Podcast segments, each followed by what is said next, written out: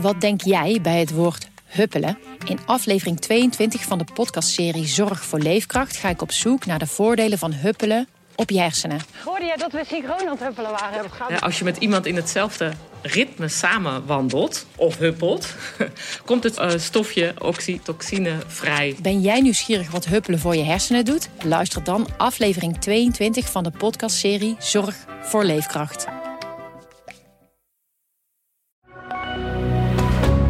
Goedendag, dit is het nieuwsoverzicht van de Stentor.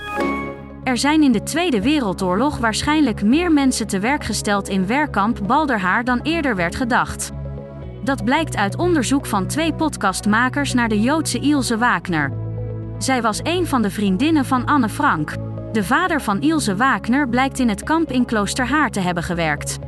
Volgens amateurhistoricus Freddy Eckel zet deze onthulling het hele onderzoek naar het werkkamp op zijn kop. Omwonenden van camping Het Hertenhof in Vase zijn klaar met de gemeente Epe. Op het terrein moeten Oekraïense vluchtelingen worden opgevangen. De buurt is boos omdat ze vinden dat de gemeente niet naar hen luistert. Tijdens een informatieavond werd burgemeester Tom Hoorn verweten dat hij liegt. De nieuwe editie van het Bevrijdingsfestival in Zwolle op 5 mei zal opnieuw gratis te bezoeken zijn. De provincie Overijssel stelt 250.000 euro beschikbaar om het festival te redden.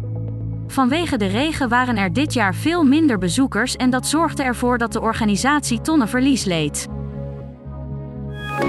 Er komt definitief een parkeerverbod rond wegrestaurant Mendel in Beekbergen. Door het parkeren in bermen en ventwegen ontstaat volgens de gemeente Apeldoorn een onveilige situatie. De eigenaar van het restaurant kwam in opstand omdat hij vreest voor de toekomst van zijn bedrijf. Maar dat protest blijkt dus zonder resultaat.